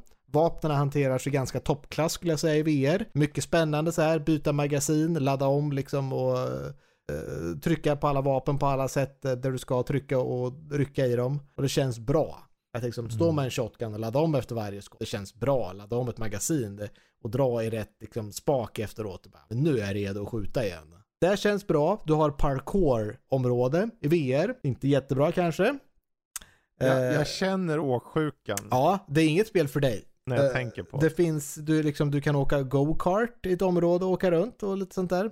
Okej, Och för varje, varje gång du låser, eh, du går in på ett sånt här tech-demo eller ett sånt där, mm. så börjar du också, eller ja, till en start så går du igenom och gör en massa tech-demos och sen går du vidare när du har låst upp alla, liksom, det finns sex tech-demos och sen så drar du en liten clue och du ska lägga lite bollar på någon liten plats, det är någon pussel, du kör lite kranar. Och sen så får du då gå vidare och då får du börja gå i olika, olika kroppar. Du blir väldigt eh, förvandlad till att, ja men, nu är du eh, liksom eh, amerikansk action hero. Eh, och du kan liksom slå folk med knytnäven, du blir jagad av poliser och du får vapen och du skjuter dem och till slut får du en katana och du bara hugger igenom det fiender. Liksom. Men det är Ah. ganska coolt. Och sen blir det lite mer bara, okej men nu ska du ha lite mer springa och hoppa och grejer och, och röra dig lite snabbare för du kan inte röra dig tillräckligt snabbt. Och då får du, då får du en kvinnlig karaktär istället, ser ut som en liten kvinnlig ninja som du kan springa med. Eh, och du, du blir liksom, och du börjar med en spegel varje gång och det är olika proportioner och hur du har liksom, det är olika längd på armar och ben och eh, storlekar och sånt där. Och det som är spännande i det här spelet är att de har kopplat din kropp till skalbart till karaktären. Så att är det Mm. så att du har längre ben så springer du snabbare. Och är det så att karaktären har längre armar än dig så har de ändå lyckats forma det på något sätt som att liksom, ja, men, om jag lägger handen på magen, även om den karaktären har längre armar så läggs den liksom på magen. Och det märks när det blir liksom, det finns en annan liksom, nu är det en liten, inte tower defense liknande, men du ska försvara en punkt. Och du blir en jättestor, väldigt som en rund boll av en eh, järnriddare som ska liksom stå på någon bro och försvara mot massa skelett som kommer. Och han är jättestark och jättetung så att han kan du bara gå som att putta bort folk. Så det är också statsbaserat på hur mycket du orkar lyfta beroende på liksom hur stark karaktären är.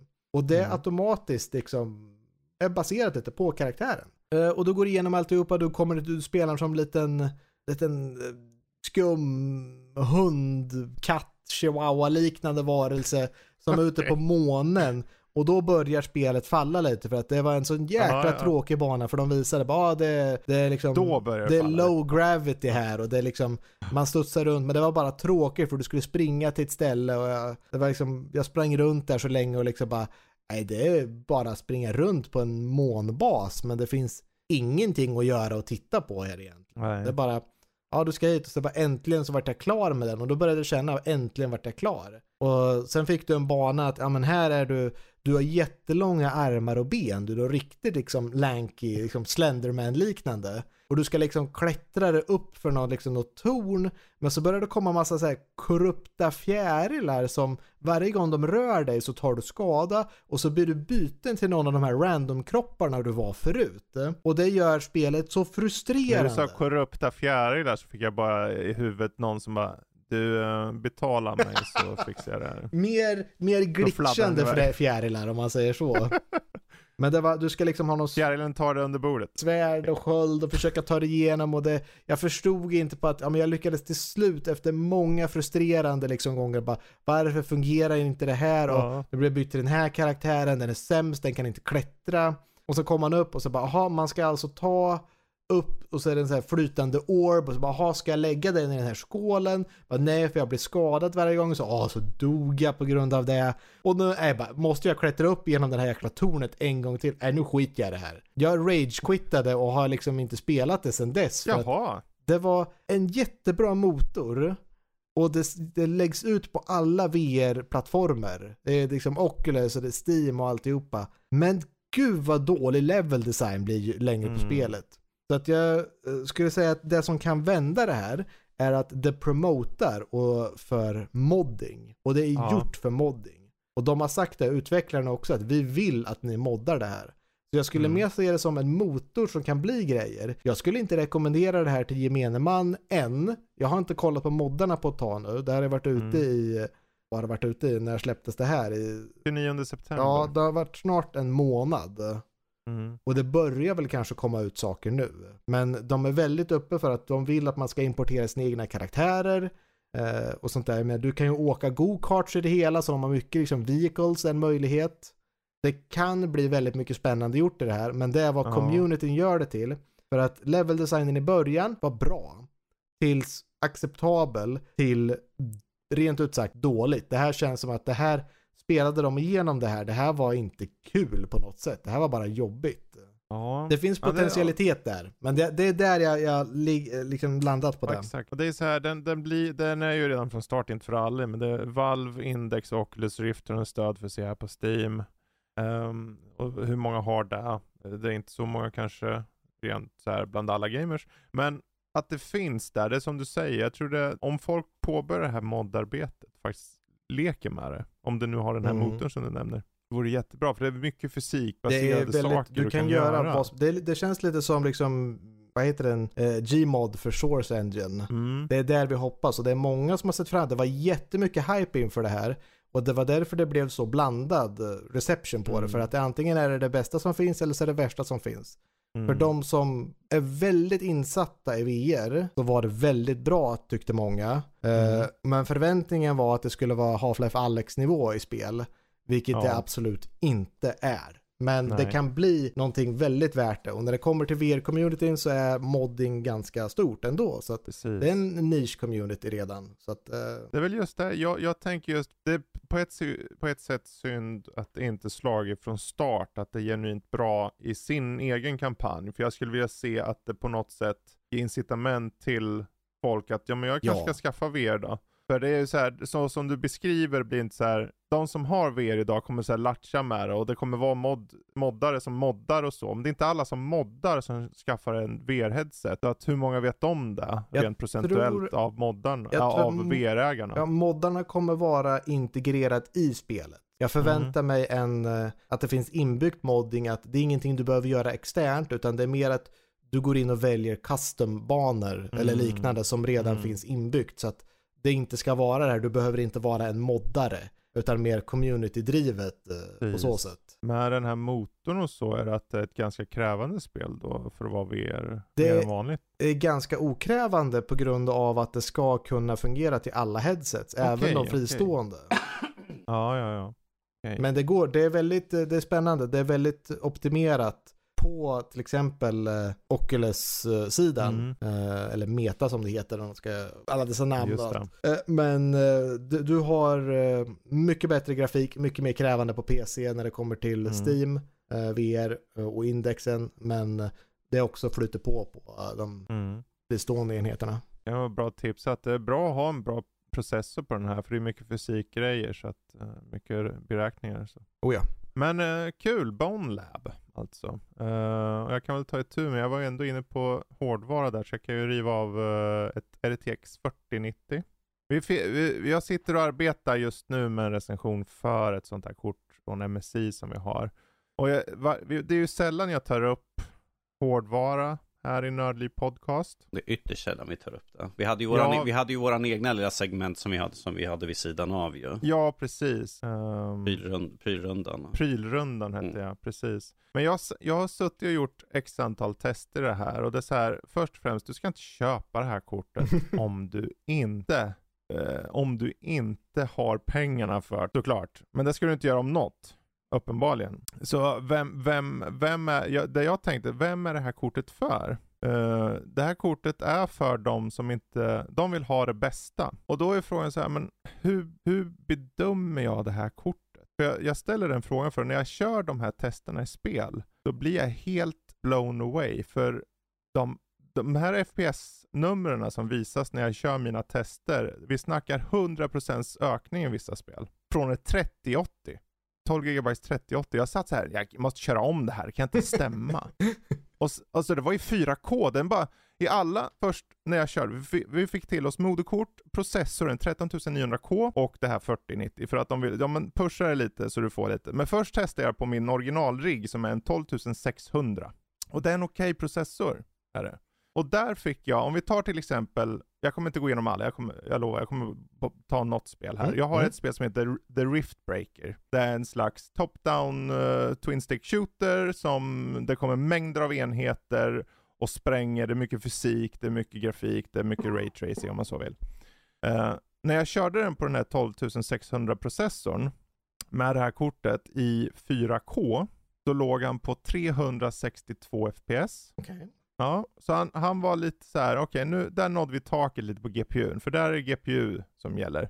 Uh, och likaså på 4K med eh, uh, 13900K processorn, då var det ganska liknande. 380 FPS fick jag där i 4K. Så vad gör det då om du skulle mot förmodan fundera på, men jag vill, jag vill ha det fetaste som finns. Jag sitter på, om, om någon korkad anledning så sitter jag på en full HD-skärm fortfarande.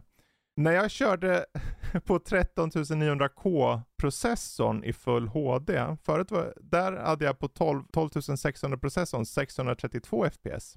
Det räcker för vem som helst ska jag säga det. Ja, det Men när jag, såg nästan, när jag såg nästan 1100 FPS på 13900K så tänkte jag, vad in i helskotta? Och på 1440p så var det 700 FPS. Alltså, och då bör det tilläggas att jag kör, jag kör high då, alltså det högsta så. Uh, och då testade ja men då, då måste vi ju slänga in det ultimata spelet. Och vad är det? Tetris. Något, något spel som Max har lagt mycket timmar på. Som heter Cyberpunk. Det var det som jag tänkte. Ja, och självklart. Uh, jag körde 4K, uh, eh, allt på Ultra i 77 FPS. Ja, fy fan. Det är ju... Och, är du avundsjuk Max nu? Och det är så här, och då, då märkte jag problemet, för här var det tydligt i, um, i, um, på de lägre upplösningarna att den här grafikkortet, det är så här, det är nästan meningslöst om du har en äldre processor uh, att köpa den för att den, den går, det, CPUn går i taket på 1440 också. Jag låg i 146 FPS, eller runt 140 på både 12600 och den här 13900 processorn. För att den bara, alltså den här CPUn klarar inte av det här. Den här grafikkortet är för snabbt. Jag tror du kan få mycket mer. Jag tror det finns mer kraft. Han var CPU-bunden på 1440. Och jag satt så här, jag sitter i Ultra nu i Cyberpunk på 144 FPS i Cyberpunk. Det är helt sjukt och över 200 i, i full HD. Din CPU jag hänger inte med. Ja, på full HD så låg han på 142 FPS på 12600 processorn och den här nya processorn 13900 205 FPS. Så det var 44% höjning där. Bara att byta. Så det, vad det här kortet egentligen säger. ett, Om du ska skaffa det, ha för allt smör i Småland eller alla crabsticks i Sverige en ny processor. Om du är mot förmodan knasig och köra lägre upplösning.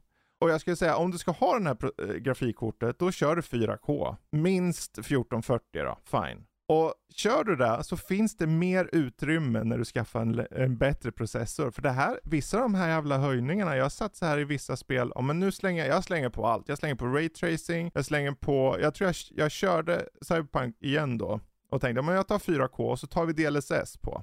Och, och satt och körde 4K på 144 till 150 FPS. Det är ju ofattbart. Uh, det, är, det, är, nästan så att det skulle kunna klara av mitt moddade Skyrim med 60 FPS. det, det, det, är som att det här grafikkortet bara säger så här, nu ska jag ploga upp, du kan slänga vad du vill framför mig.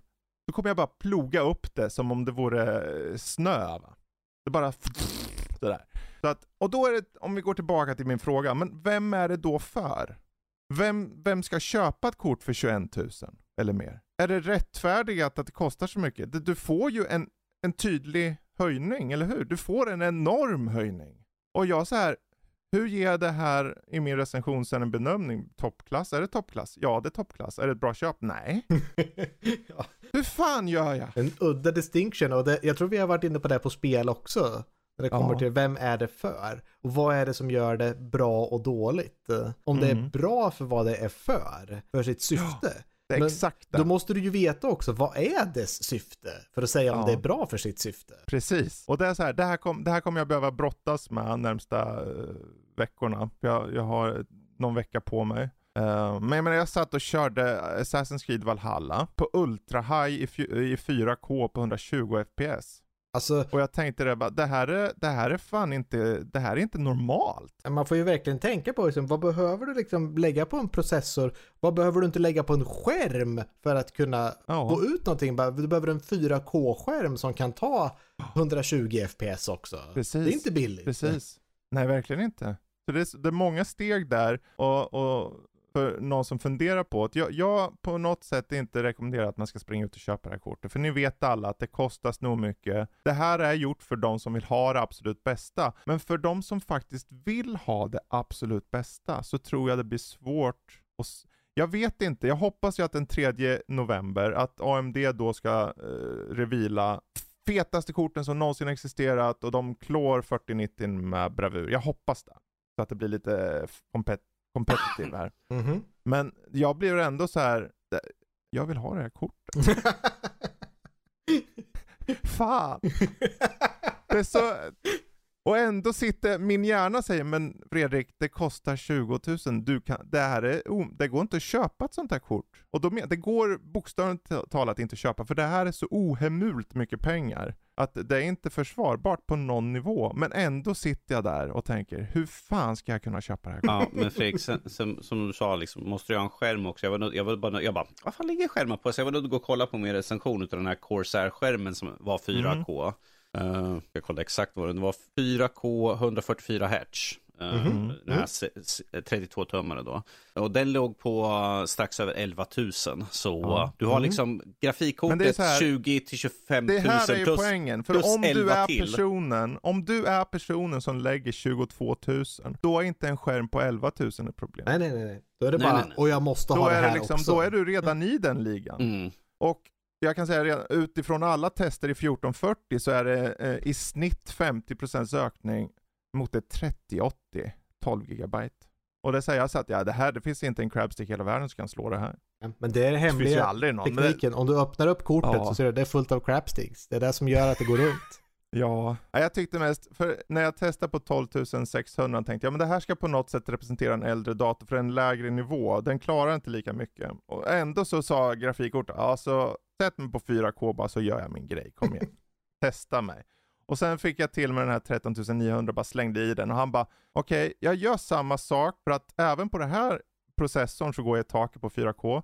Men när du tar de lägre upplösningarna, då tar vi och ökar ytterligare 40%. ja, det... Så att, eh, ja, vem är det till för? Jag vet inte. Jag hoppas ni får läsa den recensionen när den kommer om två veckor. Det vi fram emot. vidare. Eh, min sista grej då.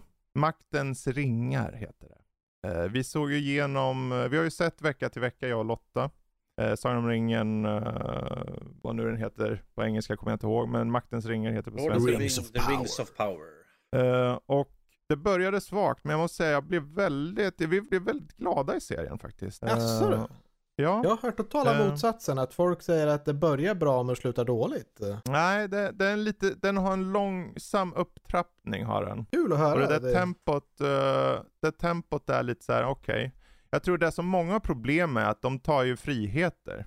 Ja, det kan vara det. Eh, Ja. De tar friheter, men framförallt är det så att vissa saker är tydliga som as och vissa saker är otydliga till vad som kommer ske. Vissa karaktärer är ointressanta men växer i de sista avsnitten. Som Galadriel är så här, åh gud, vill, hon är ju så torr så att eh, jag blir uttråkad bara se henne. Medan dvärgarna och Elrond är fantastiska.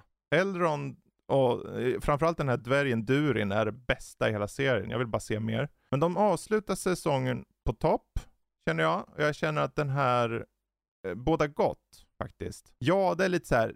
Om du sitter och, okay, det måste avsluta på något sätt med Sauron och det, det blir så. Du får eh, reda på det. Men det är så här, det, man får det i ansiktet under resans gång och du, alla tänker hela tiden, vi satt och kollade på den, det, det måste ju vara det. Det måste vara, det här är, det är fake-off. Så här. Ja, och så är det som du tror.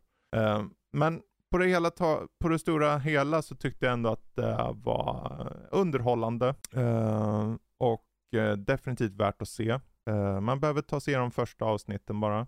Tror jag nog att... uh, jag tror man behöver vara öppen också. Om man är så redan från start stängd så här, nej det kommer inte vara bra, ja då, då kommer det vara kört hur du än gör. Såklart. Men uh, om du bara tänker, vill du ha Tolkien serie med stor budget som vågar göra lite grejer och, och sen sätter upp saker. Titta på Maktens ringar. Så där har vi den. Mm. Där har vi det. Jaha, nu har vi gått igenom alla eh, saker och ting. Jag har babblat, ni har babblat. Finns det något ni har babblat om eller som ni har hört mig babbla om? Så ni, "Ja, men det här skulle jag vilja veta mer om eller ska vi ta veckans Discord-fråga? Nu tar vi Discord-frågan. Ta Discord-frågan. Discord-frågan. Ja, bra. Den här veckan kommer Discord-frågan vara vilket klassiskt skräckspel skulle ni vilja se en remake på? Och det är ju lite angående just Silent Hill 2 där och Ja, Resident Evil 4. 4. Eh, det kommer vara ett gäng alternativ, Fear, Clock Tower, eh, kanske och mängdas andra. Eh, och det här hittar ni då på vår Discord, vilket ni når hur då Danny? Man hoppar in på vår hemsida och uppe på högra sidan så finns det en stor grej som står Discord och det finns en Connect-knapp där och klickar man på den så kommer man direkt in i våran server. Där brukar vi, vi sitter till exempel på våran Discord-server exakt just nu när vi spelar in. Eh, Så att vi brukar finnas här inne. eh, Så man ser ju vilka utav oss som är online ifrån Nördliv ju så. Precis. Ja, socialisera med andra, skriv i, i chatter och sånt. Och, och för all del är det så att ni själva har någon fråga för vår podcast så finns det en, eh, en kanal eller en, röst, eller en textchatt som heter Q&A för podden. Bara skriv något där i eh, så, så tar vi förhoppningsvis upp det. Jag har faktiskt inte hunnit kolla. Det var Det ingenting är, den ingen, det är ingenting som har jag. kommit. Vi hade ju någon sak som var där. Eh, Så ingenting den här veckan i alla fall. Nej, okej bra. Ehm, jag såg för övrigt, ni hade någon fråga om, eh, om better, eh, Breaking Bad och... eh, Better Call Saul och det var frågeställningen på vad vi hade sett det. Och vad vi tyckte. Tyvärr hade ingen utav oss som var med i Nej. podden, vi hade ingen hade sett jag det. Så. anade, för jag såg vilka som var med. Jag tänkte, ingen av dem där har sett det där. Nej, Jag kan säga att jag har sett dem och jag tycker de är fantastiska. Så att, eh, och Better Call Saul är faktiskt nästan så att jag blev, tyckte den var lite bättre. På något sätt. Men eh, det är mina två center. Uh, omröstningar hittar ni i alla fall Discord-frågan i. Så det är bara att kika i den kanalen. Kan ni trycka på valfritt val. Bra, då, då är det inte så mycket mer för oss. Är det så ni vill ha mer av oss, ni vet hur ni gör. Nörli.se. Är det så ni vill mejla oss, info.nordlivpodcast.se eller Twitter, Facebook och Instagram är at nordliv.se. kan ni hitta oss där på sociala medier. Bra, Gött. då tackar vi eh, Max, vi tackar Danny och jag tackar för mig så får ni säga hej då. Nu går vi och spelar Apex. Och äter crabsticks. och äter crabsticks. Okej, hejdå! Toodaloo. Bye bye.